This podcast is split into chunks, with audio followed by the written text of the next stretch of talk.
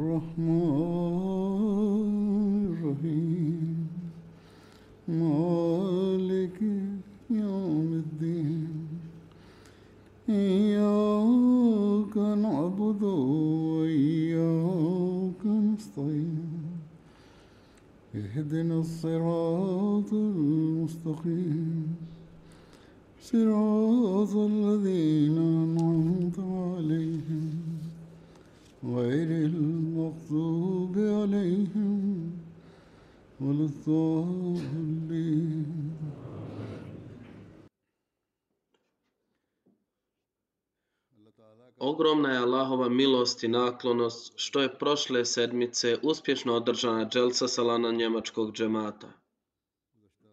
Dakle, prije svega trebamo biti zahvalni Allahu Đelešanuhu što nam je omogućio da organizujemo dželsu otvoreno i uz opće uvjete nakon velike pauze.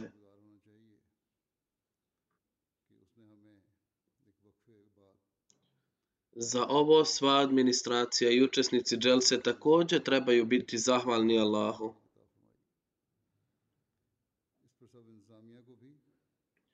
Volonteri bi trebali biti posebno zahvalni Allahu što im je omogućio da služe gostima obećanog Mesija a.s.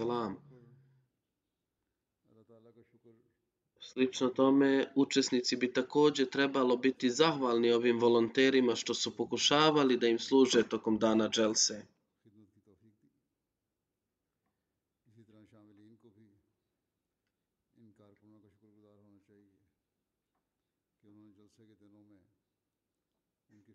U ovom ogromnom aranžmanu i na novom mjestu mora da je bilo mnogo nedostataka, a u nekim aspektima mora da su neki gosti podnijeli teškoće i neke stvari koje su do mene došle bile su bolne, ali zato što su došli radi vjerske svrhe, uglavnom gosti nemaju nikakvih zamjerki.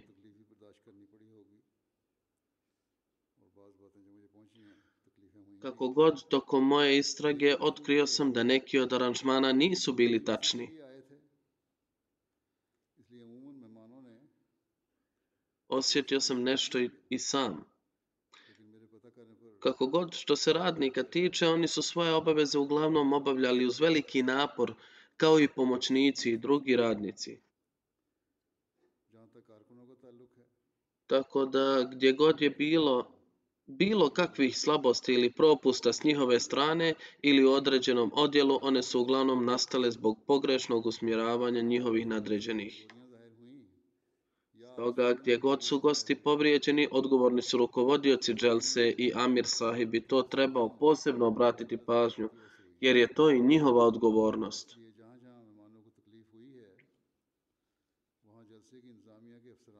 Trebali bi činiti istikfar i pokušati da se poboljšaju tako što će svoje nedostatke upisati u svoju crvenu knjigu za budućnost.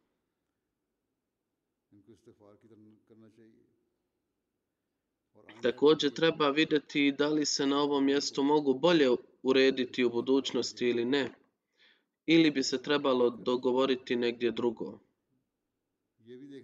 Općenito, neke od poteškoća koje su ponekad se susretale su sljedeće. Nekom je napisao da je imao problema da ide gore dole jer su pokretne stepenice bile u kvaru. Lift nije radio što je uzrokovalo problem. Smještaj je dat, ali nedostajalo je kupaonica ili nije bilo dobro snabdjevanje vodom.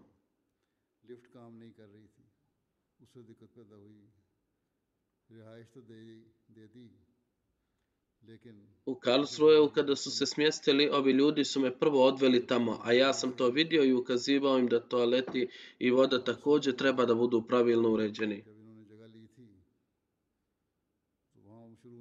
Također provjeravao sam i zvuk stojeći na različitim mjestima i te sale su bile male, ali je ipak postojao nedostatak koji je pokušavao riješiti i donekle, i donekle su riješili, ali ovdje se to nije pravilno uočilo. Ovaj put mi nisu rekli detalje ovog mjesta.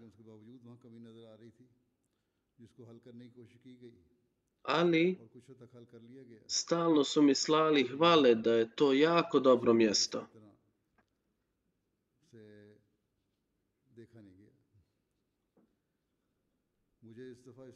Na isti način, ponekad zbog pogrešnih instrukcija nadređenih, osoblje, osoblje obezbeđenja je nastavilo da postavlja neka ograničenja bez ikakvog razloga.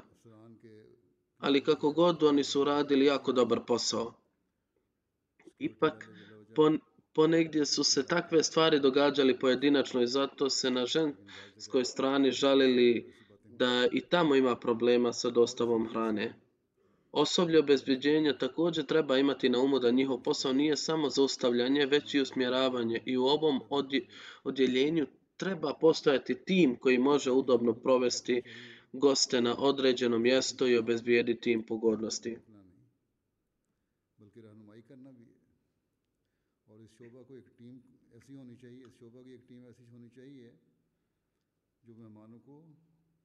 جو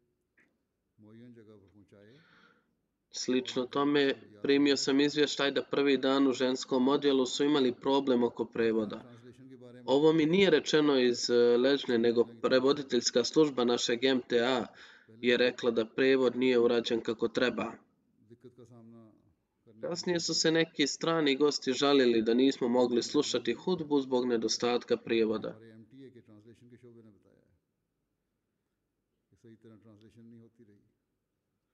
Problem sa zvukom je posebno bio u muškoj sali i zbog toga sam čak i tokom dželse skretao pažnju određenoj službi.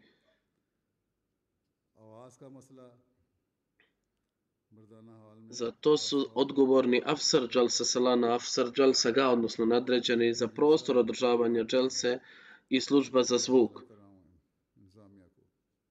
Ljudi dolaze ovdje da slušaju dželsu, Ako nema odgovarajućeg sistema zvuka, Kakva je onda korist od dželse?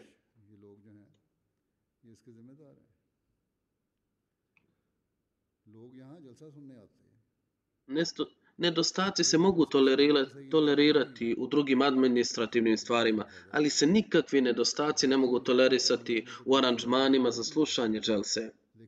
Obećani Mesija alaih selam je rekao da ovo nije festival na kojem se ljudi okupljaju, niti je moja svrha da okupljam ljude na način da kažem ljudima o svojoj superiornosti, već zbog nedostatka zvuka u nekim mjestima u pozadini sale situacija je ličila na festival. Neki ljudi su to snimili i ja sam to vidio.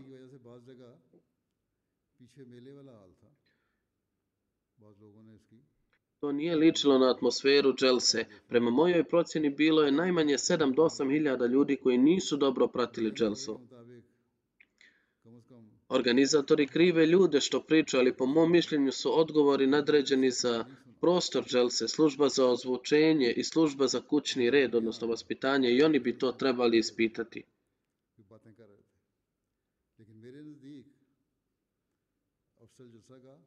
Mene je sramota da vidim ovu situaciju. Nadam se da je i njih isto.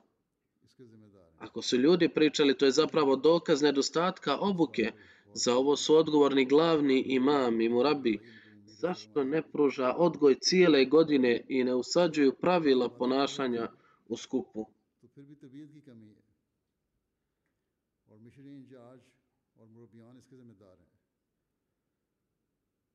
Ne krivite ljude.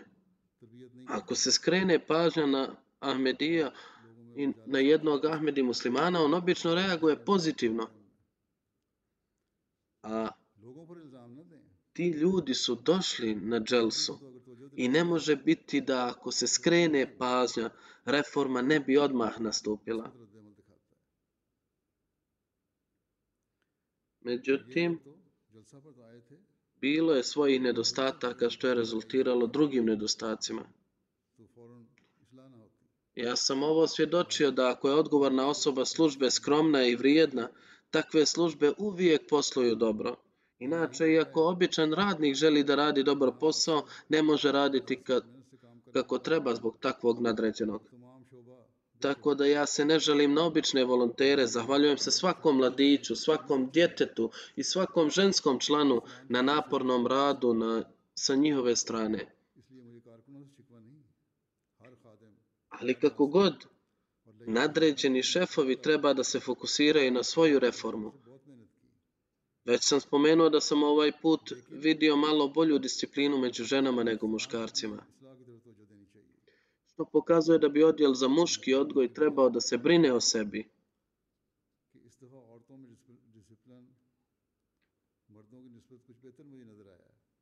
Narodi u razvoju su uspješni samo ako paze na svoje slabosti.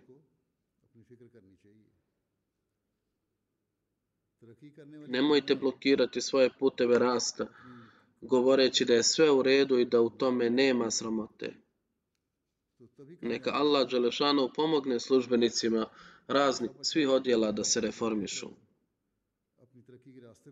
Međutim, uprko svim ovim slabostima, Allah Đelešanuhu naklonost nam je dao tako što nas je pokrio, a gosti koji nisu džematlije, koji su dolazili ovdje, su uglavnom imali veliki uticaj dželse. I ako je dželsa bila uspješna, kao što sam rekao, to je iz ovog razloga, što je Allahovo pokrivanje puno djelovalo i ovi ljudi su ostavljali svoje izvanredne utiske. Također, Dželsa je bila emitovana preko MTA, pa općenito ima pohvala sa strane tih gledaoca. Ovom prilikom ću iznijeti i utiske nekih gostiju. Općenito gosti su izrazili lijepo mišljenje. Stoga džemat Njemačka treba biti veoma zahvalan Allahu Đelešanuhu što je dopustio da se ljudima dostavi pravo učenje Islama sa ove dželse.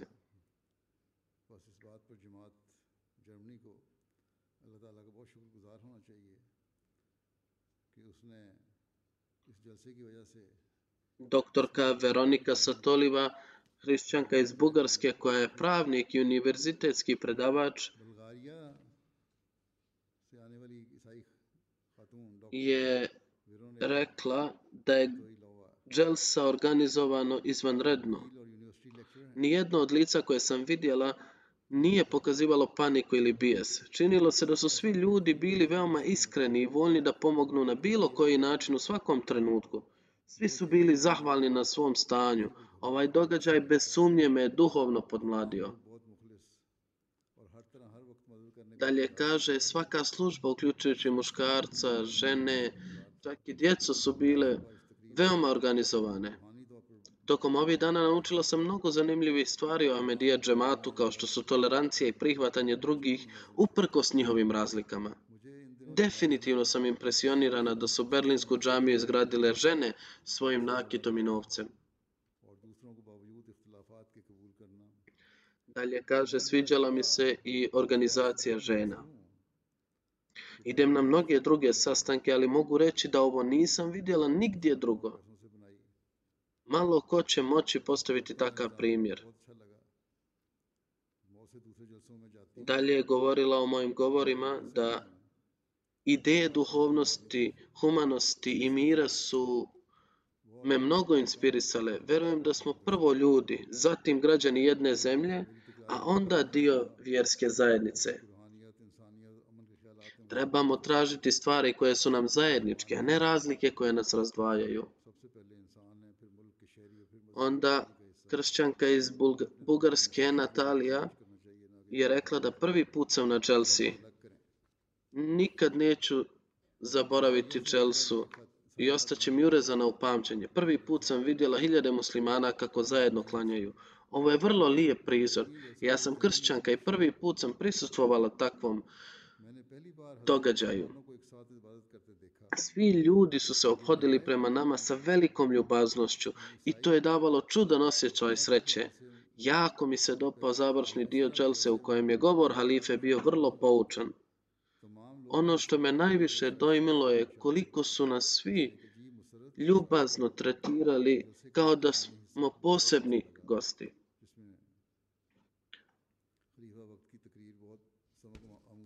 Volonteri su se trudili da ni jedan gost ne bude imao nikakvih poteškoća. Zatim kaže da smo prvog dana osjetili mali problem u prijevodu. Ona je tu pritužbu iznijela vrlo prikljivim riječima, ali to je da nije mogla slušati hudbu, što je kasnije ispravljeno.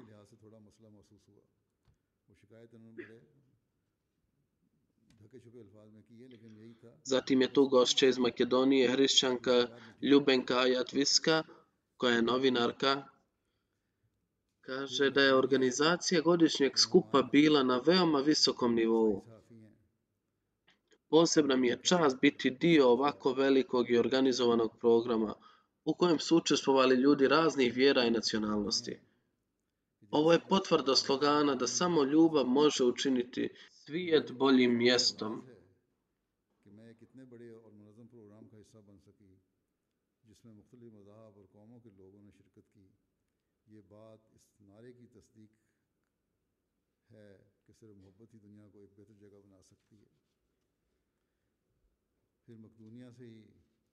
Zatim drugi gost, novinar iz Makedonije, Sinan Asimov, koji je musliman, kaže da su govori halife o raznim temama posebno uticali na mene. Kao makedonski novinar imao sam priliku da razgovaram sa mnogim Ahmedi muslimanima na Dželsi, koji su mi uvijek koji su uvijek razgovarali s osmijehom. Veoma sam impresioniran nivom higijene i čistoće i cjelokupnim skupom i organizacijom Dželse. I vaš moto ljubav svakome mržnja nikome istinski se manifestuje i mir se može postići sa ovim motom.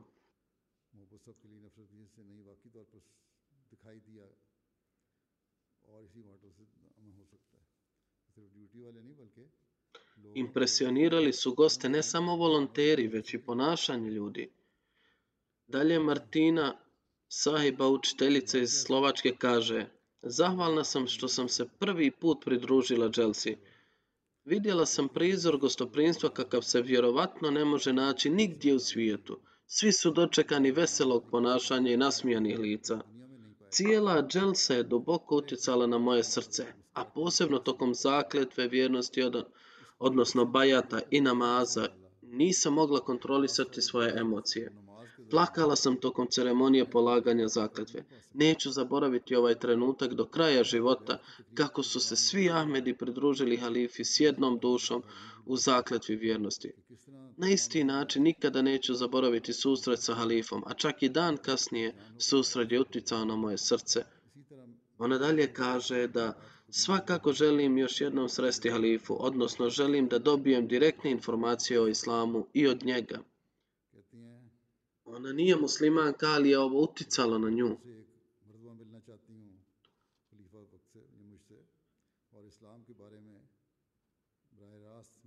Drugi gost iz Slovačke, gospodin Adreska, je biznismen.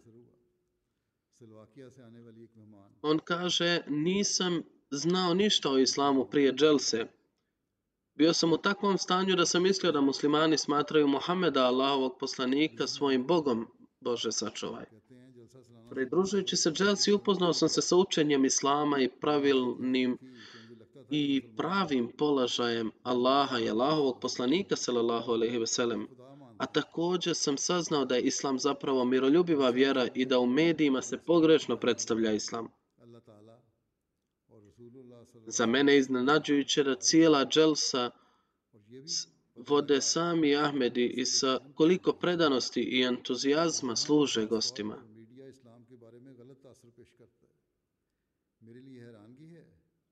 Dalje kaže, kad sam vidio halifu, osjetio sam mir u srcu i pozitivno je djelovalo na moju dušu. Kaže, ja čvrsto vjerujem da je svemogući Bog me uputio kao ovoj dželsi. Zatim je tu gost iz Slovačke gospodin Jodar Marden.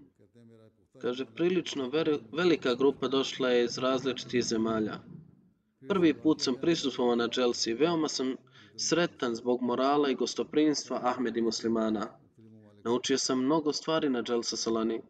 Muslimani, a posebno Ahmedi muslimani, su miroljubivi i slijede njihova učenja. Svidjela mi se izložba koju je džemat pripremio i naučio sam mnogo o islamu i njegovom lijepom učenju.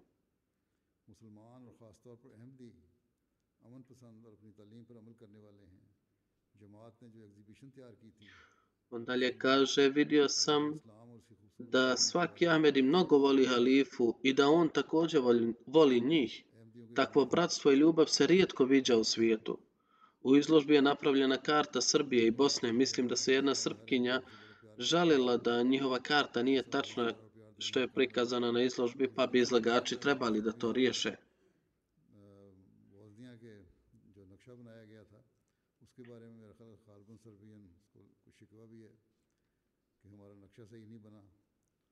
Profesor Džip Šakurti iz Albanije je profesor na Fakultetu prirodnih nauka Univerzitetu u Tirani došao je sa suprugom.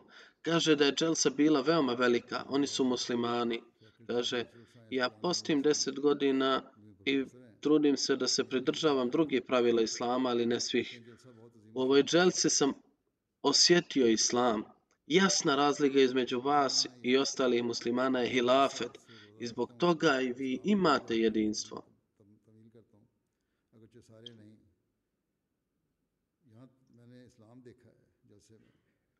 दूसरे मुसलमानों से आपके पास वाज फ़र्क खिलाफत है और इसकी वजह से आपके पास इतिहाद भी है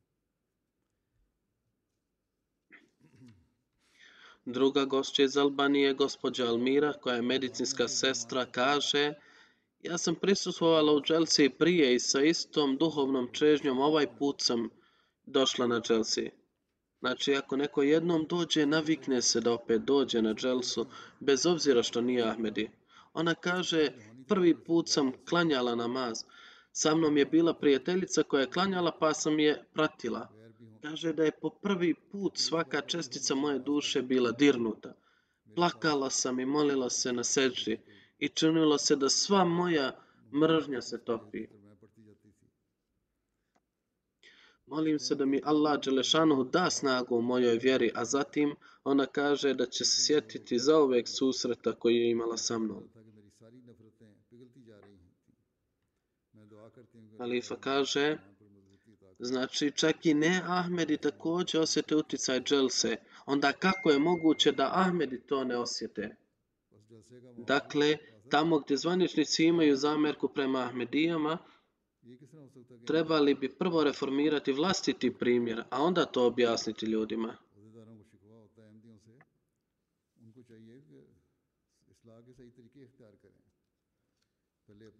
Drita Škurti, gospođa iz Albanije, profesorica srednje škole, kaže da su aranžmani na Chelsea bili veoma visoki.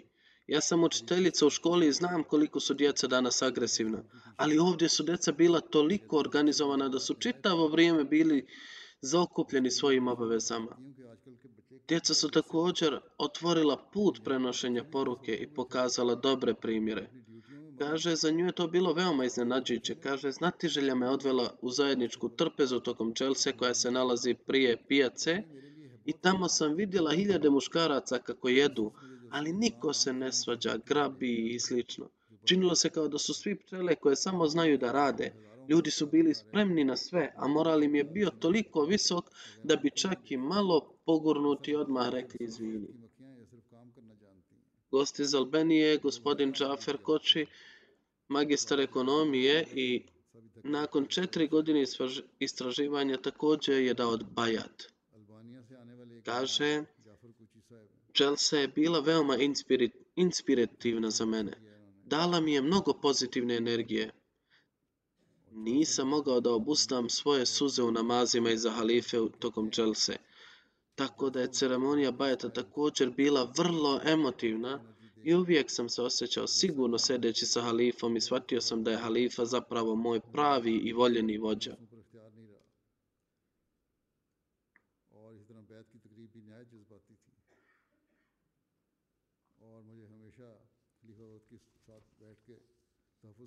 On kaže, osim ovoga jedna stvar koja mi se nije dopala je vezana za ljude i ovo treba zabilježiti.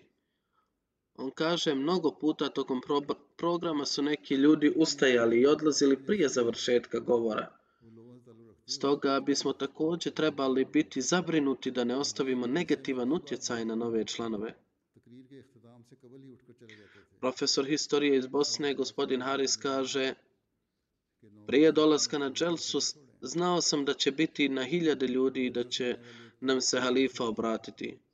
Bio sam malo uplašen i imao sam neke rezerve.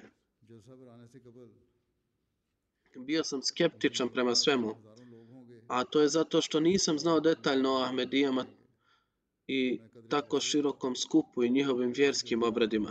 Pošto sam bio izgubljen u osnovnim stvarima, onda kaže, ali prije ovoga nikad nisam imao priliku da provodim vrijeme među tako dobrim ljudima. Šta se desilo? To je bilo moje misao i ono što se desilo kada sam stigao tamo se nikada prije nije desilo i nisam imao priliku provoditi vrijeme sa tako dobrim ljudima. Sve je bilo odlično isplanirano na Chelsea. Im, imao je nešto drugačije mišljenja, svjedočio je nešto skroz drugo. Dobra administracija, svako je bio angažovan na svom poslu. Odlična organizacija i odlično je sve organizovano.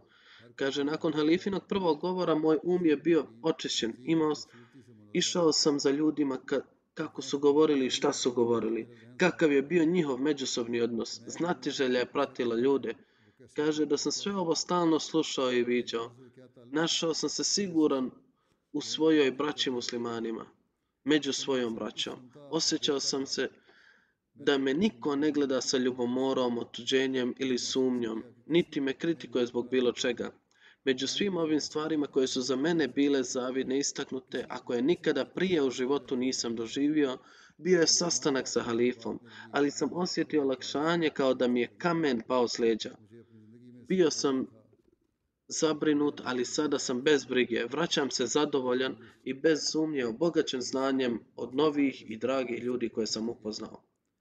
میں پریشان تھا مگر اب بے فکر ہو گیا ہوں میں مطمئن لوٹ رہا ہوں اور بلا شبہ علم سے مالا مال نئے اور اچھے لوگوں سے مالا مال ہوں Indira Hajder, žena iz Bosne, koja je sekretarica Crvenog križa, kaže spominjući sastanak sa mnom da je sastanak održan u Frankfurtu i bio je veoma, bilo je veoma prijatno jer priča se samo o dobroti. Dalje kaže, imala sam priliku direktno slušati halifu.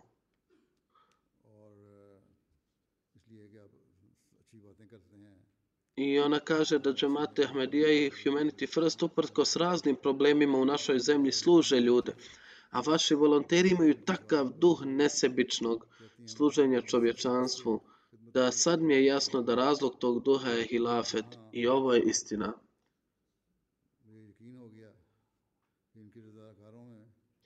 Zatim kaže kako je Ahmedija džemat inspirisao različite ljude iz eh, različitih dijelova svijeta da budu u jedinstvu. Osjećala sam da je ovo iskustvo za ujedinjenje čitavog čovječanstva i da se učini svijet boljim, produbilo moje razumijevanje hrabrosti.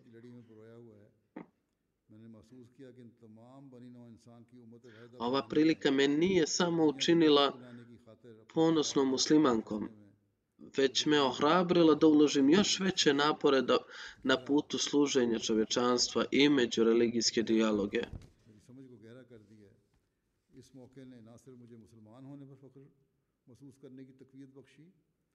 بلکہ مجھے انسانی ہمدردی کی کوششوں اور بین المذاہب مکالمے کے فروغ میں Drugi gost iz Bosne, gospođa Emina, kaže da je organizacija volontera bila jako dobra. Zbog problema sa prevodom u ženskoj sekciji nismo mogli pratiti neke programe jer nije bilo prevoda u ženskoj sekciji. Ovo također potvrđuje ono što sam rekao na početku. Ona kaže, govor Halife mi je prevela vođa vaš, naše ženske grupe. Svidjelo mi se što je program uvijek počinje učenjem časnog Kur'ana i prevođenjem. Dalje kaže da je halifin savjet bio da se muslimani više obrazuju i svoje znanje sprovode u praksi. Ovo je jedini način na koji se trenutna situacija u umetu može promijeniti.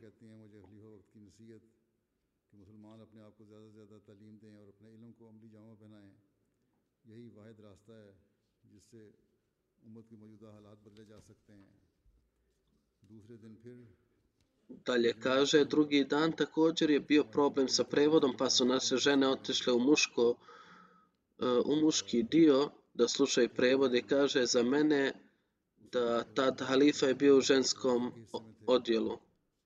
Kaže, govor za žene je bio jako koristan i jako su mi se svidjeli primjeri žena u vrijeme poslanika, sallallahu alaihi veselem.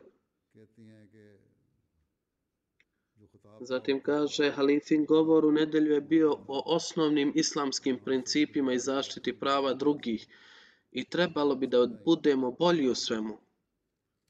Ova stvar je jako uticala na mene i da ako budemo postupali pravedno, onda ćemo napredovati i bit će mira u društvu. Onda ona kaže da ja nosim sve ove stvari, sve ove savjete sa mnom. Oni su za mene poput baklje.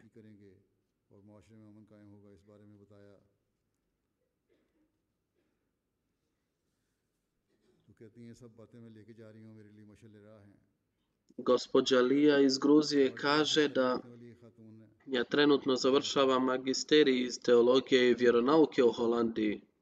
Ona živi u Gruziji. Kaže da je prvi put vidjela Čelsu i svjedočila kako djeca, tako i odrasli nude svoje usluge s posebnim žarom. Emocije nisu bile stavljene pod kontrolu nakon što smo vidjeli ceremoniju Bajata. Posljednjeg dana Chelsea od svih je uzeto obećanje da ćemo u budućnosti oblikovati svoje živote prema islamu. Ona je naučila ovu lekciju iz ovog bajata. Ona kaže, utisnula mi se važna stvar da je halifa Ahmedija džemata pred nas stavio koncept džihada sa perom, što ja potvrđujem da je 100% tačno.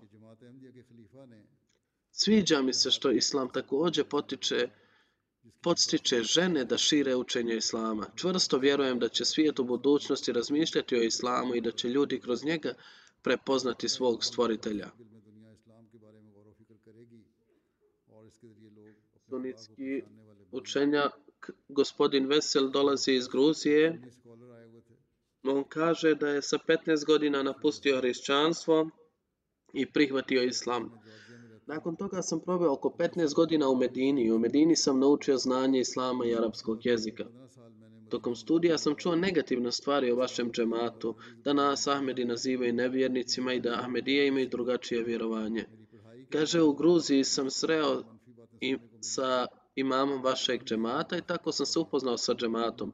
Dijelili ste kurbane po raznim selima, kontaktirali nas pa smo pomogli oko toga.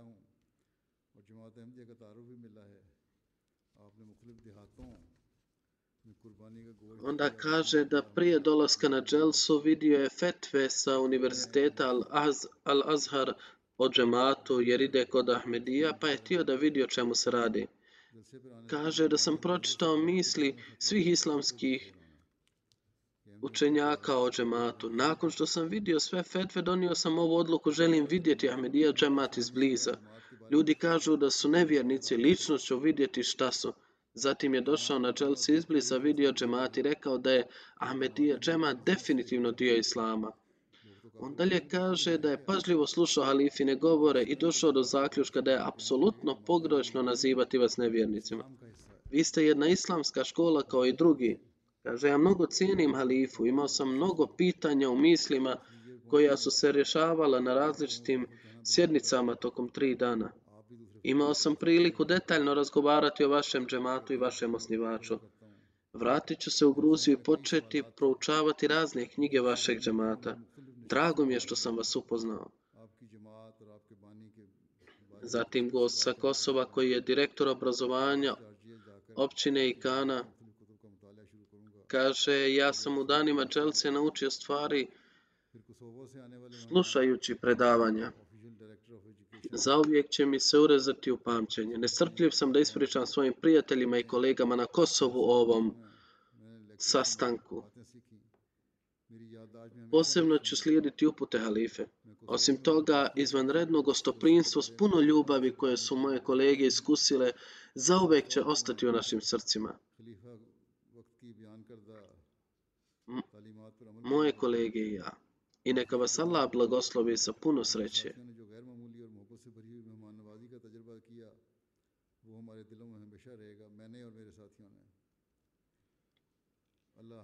Zatim drugi gost sa Kosova, gospodin Oni Šari, šef kabineta načelnika univerziteta Lijan, kaže da je bilo neobično i zaista inspirativno iskustvo za mene. Slušao sam druga predavanja i halifini govori i dobio mnoštvo zanimljivih i inspirativnih informacija koje će mi zauvijek ostati. On kaže, želim da istaknem da je ovo iskustvo na meni ostavilo veoma dubok utisak. On kaže da je Chelsea za mene bašta u svijetu znanja koja njeguje saradnju i bratstvo, a istovremeno je bila prilika da se pokaže primjereni rad i kontinuirani napor vaše zajednice kako džemata medija planira i preuzima inicijative za dobrobit društva. और इसके साथ ही ये एक ऐसा मौका था जहां आपकी कम्युनिटी के मिसाली काम और मुसलसल कोशिशों को दिखाया गया Gradonačelnik Arizana na Kosovu, gospodin Mehmet, kaže ovaj izvanredan skup ostavio je dubok utisak na mene i bio sam duboko dirnut duhom jedinstva, mira i bratstva koji je prožimao svaki aspekt skupa. Memory जलसे ने On kaže, predavanja su bila jako poučna, posebno je govor halife bio nevjerovatan i inspirativan za mene. Sada sam shvatio islam u njegovom pravom smislu. Moram također cijeniti gostoprimstvo i svi su bili veoma gostoljubivi.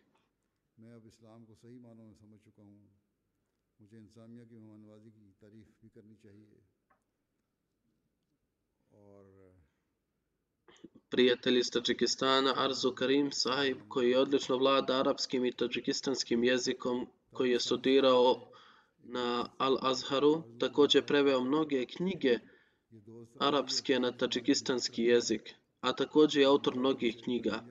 Rekao je da ja sam vrlo pažljivo slušao Dželsu i vidio ljude i spomenut ću vrline Ahmedija džemata koje sada nestaju u drugim vjerskim zajednicama, a to su visoki moral Ahmedi muslimana.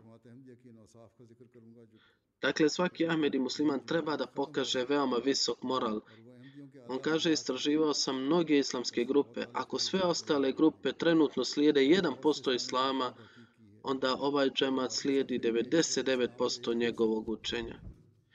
Izložbene knjige na različitim jezicima su dokaz vaših napora o prenošenju poruke Islama. Kaže, ostaću u kontaktu i želim saznati više o džematu. Ne bojim se nikoga osim Allaha i susret s halifom je također bio veoma lijep. Slažem se sa Alifom da je prava slabost u nama ljudima i mi stalno krivimo vlast i režim. Kaže da ima ponovo sastanak i da se nada da će se ponovo sresti i iskoristiti to.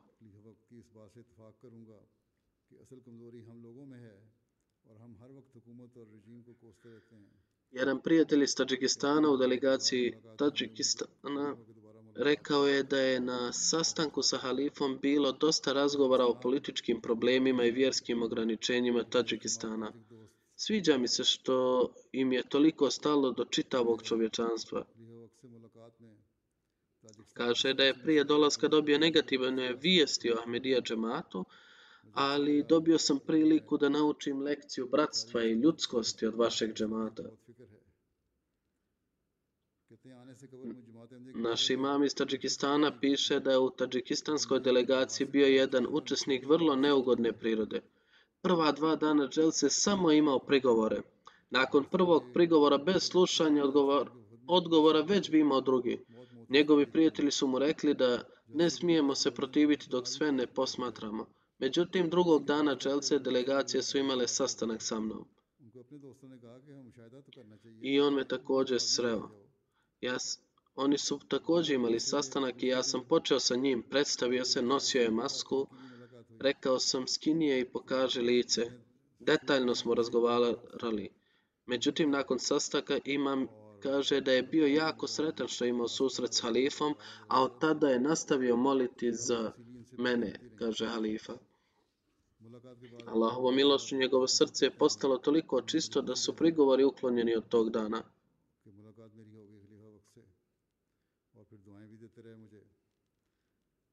कहते हैं इस- लेकिन इसकी अजीब बात है इसके बाद दो दिन उन्होंने कोई भी इतराज़ नहीं किया और Dalje ću navesti neke arapske prijatelje koji su se pridružili godišnjem skupu. Gost je Muhammed Ali Sahib i on dolazi iz Sirije. Kaže da sam se sa Ahmedijatom upoznao preko mog prijatelja. Moj prijatelj me odveo do Dželse. Namjeravao sam da provedem dan i da se uveče vratim kući jer kuća mi je bila blizu jer ovdje nije bilo ugodno mjesto. Kada sam vidio atmosferu i organizaciju, svi su bili nasmijani i vladala je sjajna atmosfera u kojoj se činilo da se svi poznaju. On kaže da takvu sredinu u životu nisam vidio. Predomislio sam se i mislio sam da ću ovdje na dželsi spavati na potu. Nema veze, dole su dušici.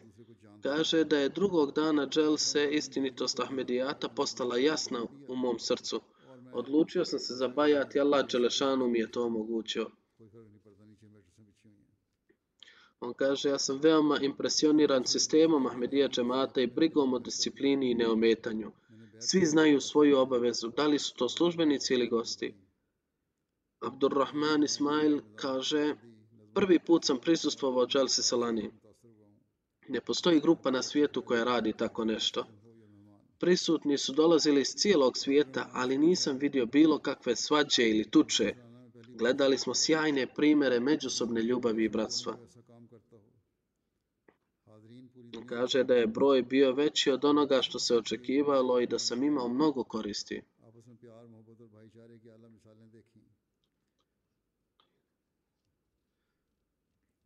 Abdullah Izzad Akili sahib kaž, koji je iz Egipta i trenutno magistrira fiziku u Francuskoj kaže da su u fizici na sve gleda sa sumnjom pa je sumnja u sve postala dio moje prirode. Ja sam davno dao bajat, imao sam vezu sa džematom i halifatom, ali su se postepeno pojavile sumnje i u vezi sa džematom kao i drugim pitanjima i počeo sam se udaljavati od džemata.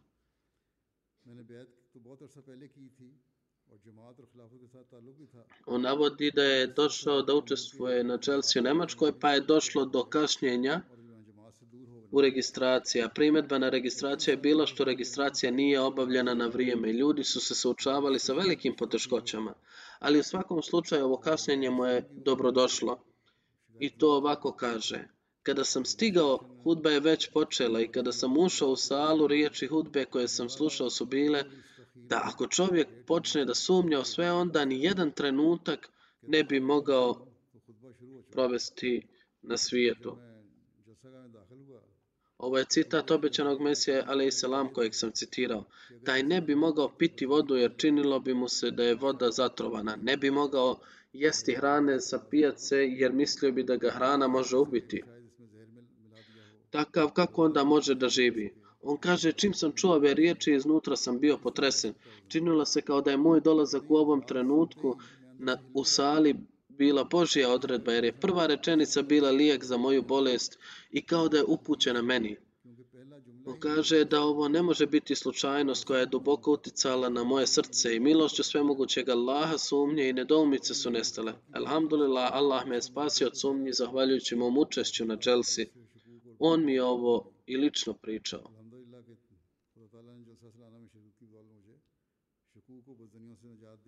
Glavni imam iz Kameruna, e, iz Duala grada u i također predsjedavajući Ulemskog vijeća dvije regije, on nije Ahmed i gost i kaže ja sam prvi put pridružio ovako velikom programu. Za mene je veliko iznenađenje što su se ljudi različitih boja sretni, sretno sreli na Dželse Salani, svi su se sreli s ljubavlju i kao članovi porodice i nisam vidio nikakvu svađu tokom tri dana.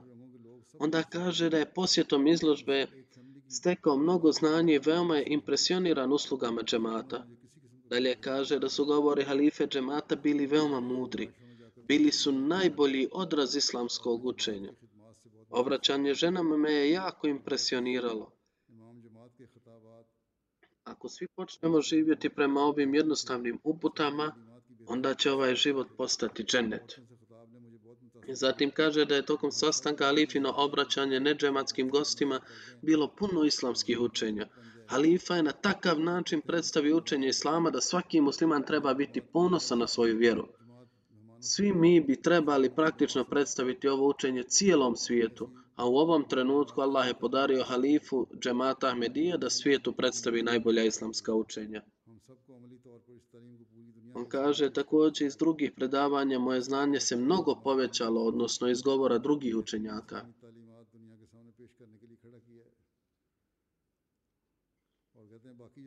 Gospodin Daniel, penzionisani profesor iz Češke, se prvi put pridružio Chelsea. Kaže, ovo je bilo moje prvo iskustvo i mnoge stvari su me impresionirale. Jedna od tih stvari je da je u vrijeme namaza vidio da je način na koji se članovi džemata klanjali iza halife osjećao kada dišu dahom halife, kao da su postali jedan entitet. Vidio sam mnoge nacije, religije i ljude u svijetu. Ovakvo jedinstvo i jedinstvo danas je prvi put viđeno. I to mi je bilo drago vidjeti. Zatim kaže, imao sam priliku da, da sam išao na najveće svjetske izložbe gdje god da je i gdje god je vidio obezbeđenje, njihovo ponašanje je bilo veoma okrutno, ali je na ovoj dželci vidio osmijeh na licu svakog radnika. Naravno, mirna atmosfera je pozitivno utjecala i na atmosferu cijele dželse. Ovakvom, ovakvom velikom skupu hodati u tako velikoj gužvi bez ikakvih prepreka je zapravo čudo. Neki Ahmed imaju prigovore na način obezbeđenja, ali na sreću strancima se sviđa sigurnosni stav. Možda su bili neki slučajevi rijetkih koji su strogo postupali u nekim određenim mjestima, ali generalno je bilo i dobrih volontera, sa sigurnošću to kaže. Onda kaže, spominjući sastanak sa, sa mnom, da me je prvi put vidio i da je bio jako impresioniran i veoma zahvalan. On kaže ovaj sastanak je također zlatni dio mog života i mnogo sam imao koristi od razgovora.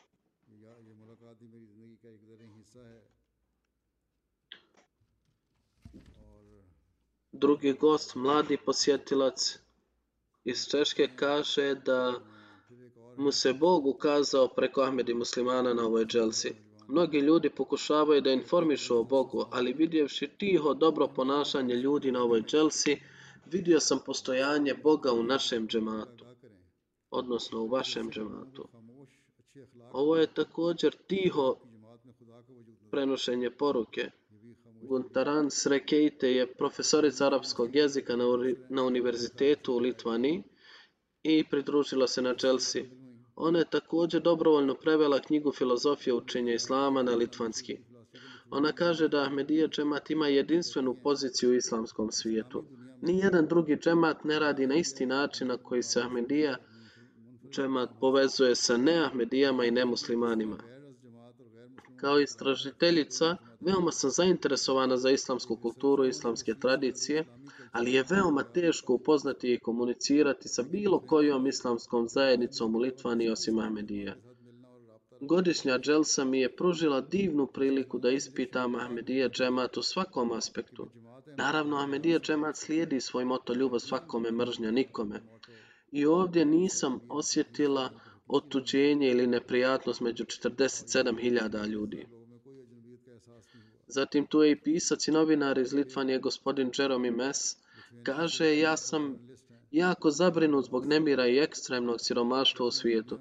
Uvijek sam se pitao šta običan čovjek može učiniti u takvoj situaciji, ali kada sam isto pitanje postavio halifi, dobio sam vrlo zadovoljavajući odgovor da je svrha čovjeka ista kao što je opisano u časnom Kur'anu, da je svrha stvaranja čovjeka obožavanja Allaha. Ljudi treba da imaju na umu da postoji život nakon smrti. Ako ljudi ne obrate pažnju na ovo, onda će uvijek biti nemira u svijetu. Veoma sretan što znam da halifa već obraća pažnju na ovaj problem i u svojim obraćanjima i govori ljudima o rješenjima za probleme svijeta. Zatim je iz Kirgistana došao gospodin Kačio koji kaže da tokom dželse naučio sam mnogo o svojoj vjeri i džematu. Dobio sam odgovore na mnoga pitanja. Dželsi sam se pridružio prvi put u životu i prvi put sam otišao u inostranstvo. Nisam očekivao da će biti tolika gužva tokom Dželse. Slušao sam sve govore i bilo mi je zanimljivo. Sve je bilo odlično.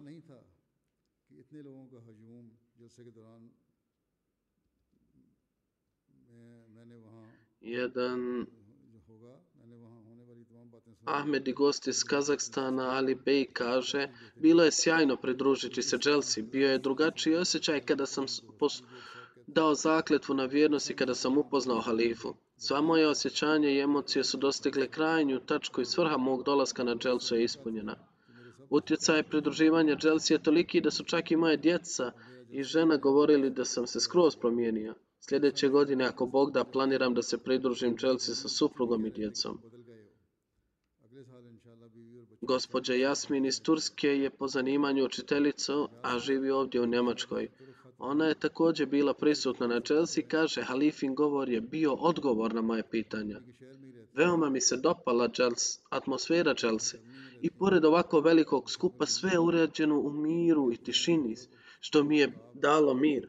Toliko ljudi se okupilo samo radi Allahovog zadovoljstva i kako su bili ujedinjeni to je bilo iznenađenje za mene. Ona kaže, ukratko, tražila sam ono što je rečeno i misao koja je tu izražena. Tog dana sam vidjela da svaki komadić slagalice se slaže na svoje mjesto.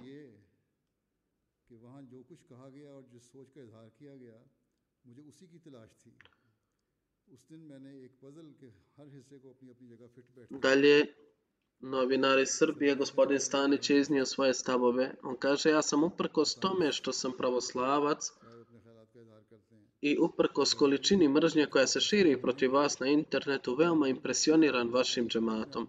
Vaša administracija i sistem su me zadivili. Veoma sam tužan što ne možemo širiti istinsko učenje medija širom svijeta. Na svakom koraku smo osjetili vaš moto, ljubav svakome, mržnja nikome. Ništa loše nismo vidjeli ni u administraciji, ni u 46.000 ljudi. Svuda je vladao mir, svi su poštovali jedni druge kao što je vaše učenje. Teško mi je opisati riječima.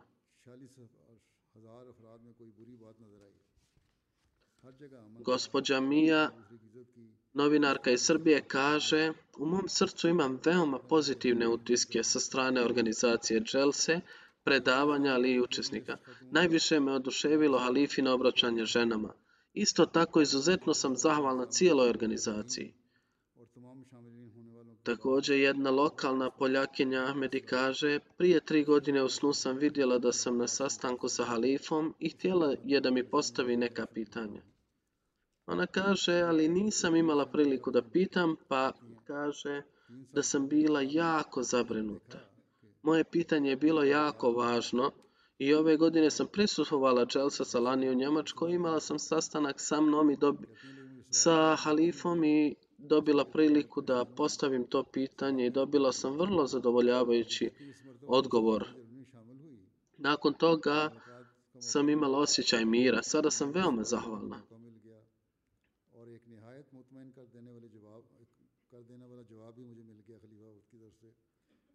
njemački gost Gontamova kaže na vjeru islam gledam sa kritičke tačke gledišta, ali sam ipak vrlo pažljivo slušao halifi na obraćanje, pa čak i provjeri odlomke koje halifa spomenuo u svom obraćanju. Neki ljudi vide tako duboko da je časnog Kur'ana koje sam citirao nisu pogrešni ili predstavljeni radi reda. Znači kasnije je provjerio iz časnog Kur'ana. On kaže, ja sam prisiljen priznati da sam, nakon što sam slušao halifin govor, bio veoma iznenađen da je halifa stavio toliko naglaska na mir i bratstvo. Halifa je nesumnjivo držao vrlo dobar govor. Primoran sam iznova ponavljati da ne možete zamisliti moje iznenađenje jer ste iznijeli mirnu sliku islama kako se ovdje obično ne viđa. Naravno, moj pogled na islam je danas dosta narastao i promijenio se, jer prije toga nisam mogao ni zamisliti islam kao vjeru mira islamsko učenje na ekranu. Islamsko učenje mira nisam znao. Danas sam prvi put vidio halifa, halifina obraćanje ženama na ekranu u muškoj dvorani. Nisam znao da je to halifa, ali sam bio veoma impresioniran kada sam čuo ovo obraćanje.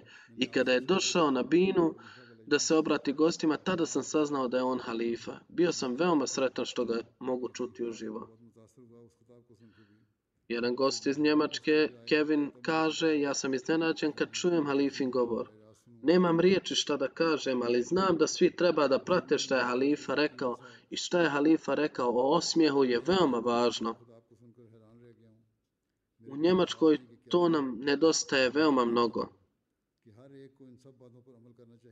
Znači on sam priznaje, priznao Nemcima da trebaju biti više sa osmijehom i da im to nedostaje. Onda on kaže ponekad naši ljudi imaju osjećaj manje vrijednosti, ali on kaže u potpunosti se slažem sa vašom izjavom u položaju žena i vjerujem da je istina sve što je Halifa rekao. Druga njemačka gošća, Kristina, predstavnica hrišćanske katoličke televizije, rekla je da je Halifin obraćanje veoma impresivno. Obraćanje je bilo u skladu nivoa slušalaca. Mislim da na isti način na koji je Halifa objasnio osnovne principe, on je također objasnio jasno stavio do znanja da su ti osnovni principi podučeni od Boga, a ne uspostavljeni od strane UN-a ili bilo koga drugog danas.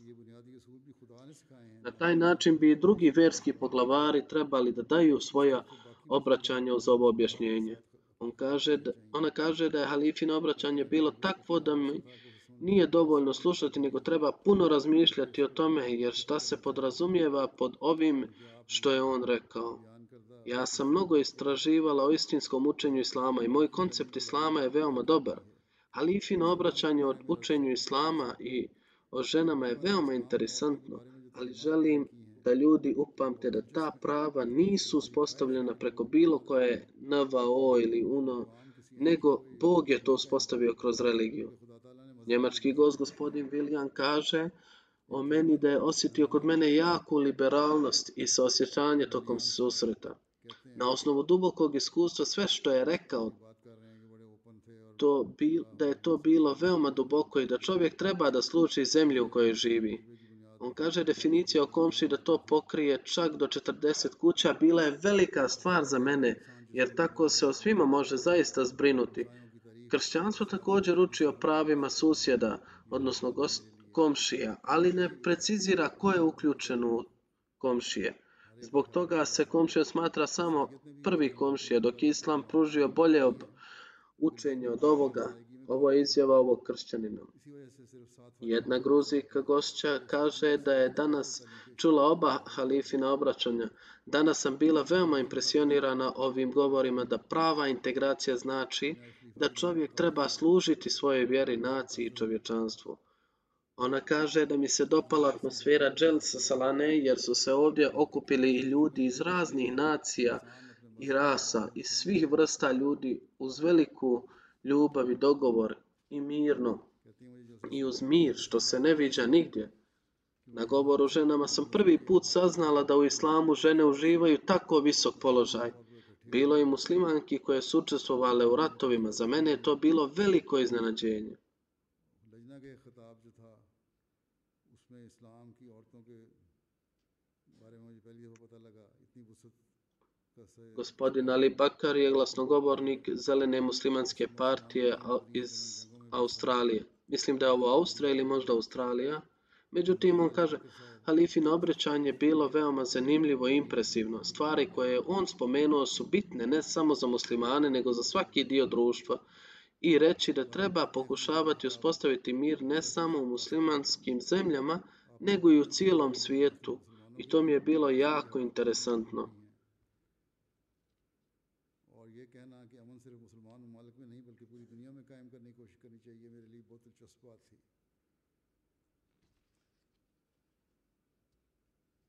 Dalje njemačka gošća Memon Mai nije bila muslimanka, ali ipak je sjedila no, tamo noseći maramu radi poštovanja. Ona kaže, ja sam hrišćanka i tokom halifinog govora osjetila sam da je naša razlika samo mala. Možemo mirno živjeti zajedno, jako sam impresionirana. Tokom govora to mi je toliko pogodilo srce da su mi suze počele. Ona kaže dalje, učenje koje je on objasnio ženama pokazuju da su prava koje ženama dao islam ista kao ona koja su navedena u njegovom govoru, to jest govoru halife, koji navode druge zajednice. I sama sam primijetila na Čelsa Salani da se ova učenja također praktikuju, a ne samo podučavaju. Kaže da su njegove riječi dirnule u srce i vidjela sam ljude kako ovdje plaču nakon što su slušali riječi njegove.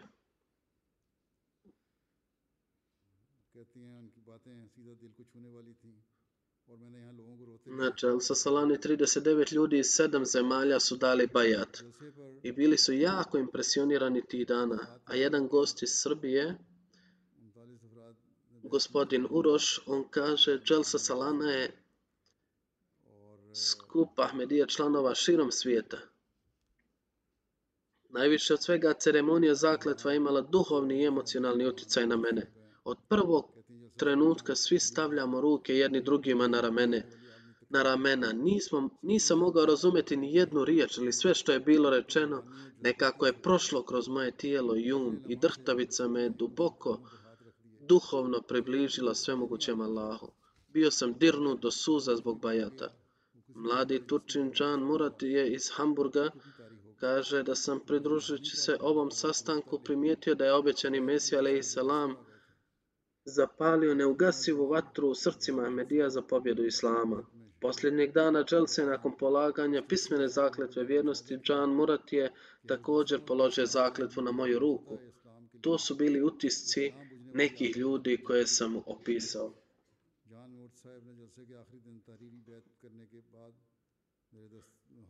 Medijska pokrivenost na Chelsea, o Chelsea u Njemačkoj je također bila veoma dobra Allahovom milošću. Četiri televizijske kuće na njemačkom preko ovih TV kanala priča se da je vijest o Chelsea stigla do 41 milijuna ljudi. Novine 11 njemačkih novina objavilo je razne vijesti i članke. Preko ovoga je poruka džemata i vijest o Chelsea doprla do više od 50 milijuna ljudi.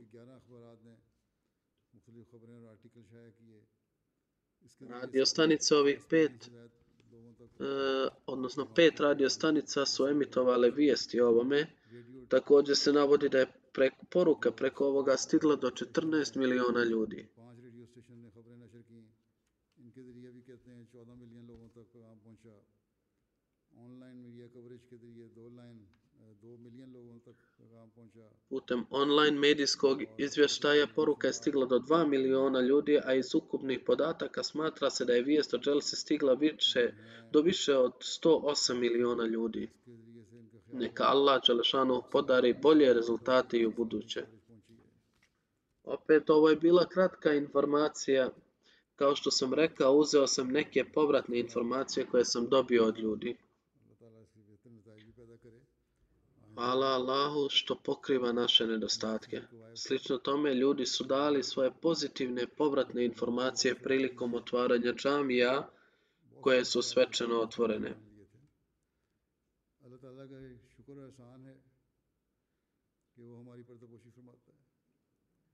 اسی طرح جو مختلف مساجد کے افتتاح ہوئے ہیں Slično tome, neki su rekli da nisu znali šta je medijat i šta je učenje Islama, kako se Islam fokusira na prava ljudi i prava Allaha. U raznim prilikama ljudi su otvoreno rekli da danas nakon što smo slušali sve ove stvari saznali smo učenje učenju Islama i naše mišljenje se promijenilo. Ljudi se također žalili da nas čak ni naši Ahmedi poznati nikada nisu informisali o prekrasnim učenjima Islama. Stoga postoji potreba da se napravi efikasan program propovijedanja i u ovom pogledu. Svaki Ahmedi treba da predstavi Islam i obećanog Mesiju bez kompleksa. Na primjer, jedan mladić iz Irana je došao na čelcu i razgovarao sa jednim od naših članova. Doveo ga je njegov prijatelj koji je Ahmed i rekao je, ja sam jako uznemiran što sam došao ovdje. Pitali su ga šta je razlog. On je rekao, ja sam danas saznao da vi ljudi smatrate Mirzu Gulam Ahmada Kadijanija kao poslanika. Međutim, kada mu je deta, detaljno objašnjenje u kakvog poslanika vjerujemo, vjerujemo da je poslanik koji je došao kao sluga poslaniku sallallahu alejhi ve onaj koji širi njegovu vjeru i koji dolazi prema njegovom predskazanju i da je on taj isti Isa. On kaže da je sve u redu. Ja isto priznajem da je vaše vjerovanje oko medije i Ise možda ispravno i logično, ali zašto moj prijatelj mene nije obavijestio oko toga? On je moj prijatelj dugi niz godina. Dakle, bez ikakvog osjećaja inferiornosti trebali bismo prenositi svojim prijateljima i poznanicima i postoji potreba za djelotvornim predstavljanjem naše poruke o tome.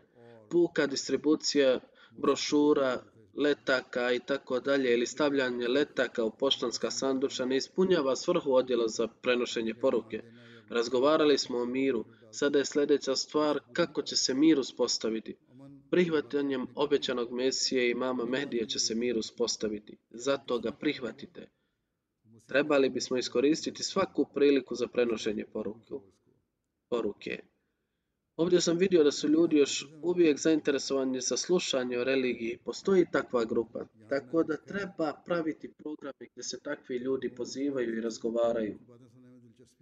Svakom slučaju moramo se dobro ispitivati i analizirati. Tamo gdje postoje organizacije, organizacijske slabosti, da li je to neka stalna služba ili služba dželse, treba ih posebno riješiti.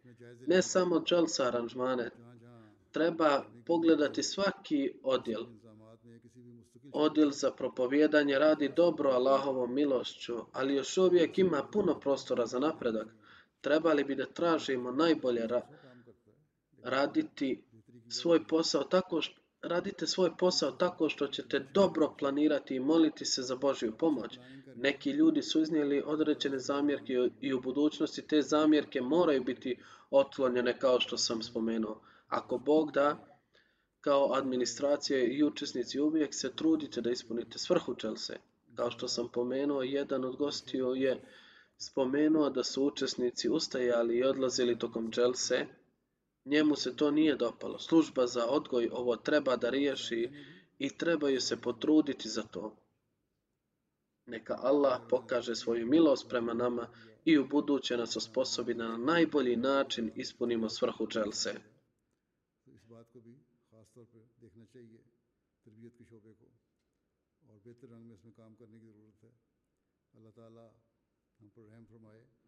اور aur aainda کو behtar رنگ mein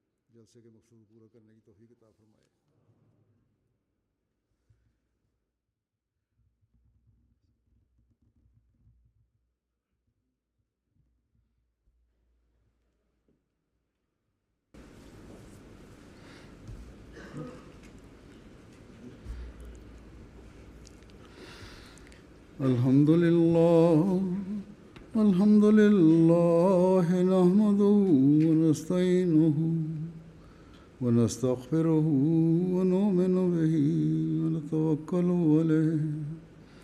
ونعوذ بالله من شرور أنفسنا ومن سيئات أعمالنا. من يهده الله فلا مضل له ومن يضلل فلا هادي له. ونشهد أن لا إله إلا الله. ونشهد أن محمدا عبده ورسوله. عباد الله رحمكم الله. إن الله يأمر بالعدل واللسان وإيتاء ذي القربى. وينهى عن الفحشاء والمنكر والبغي يعظكم لعلكم تذكرون.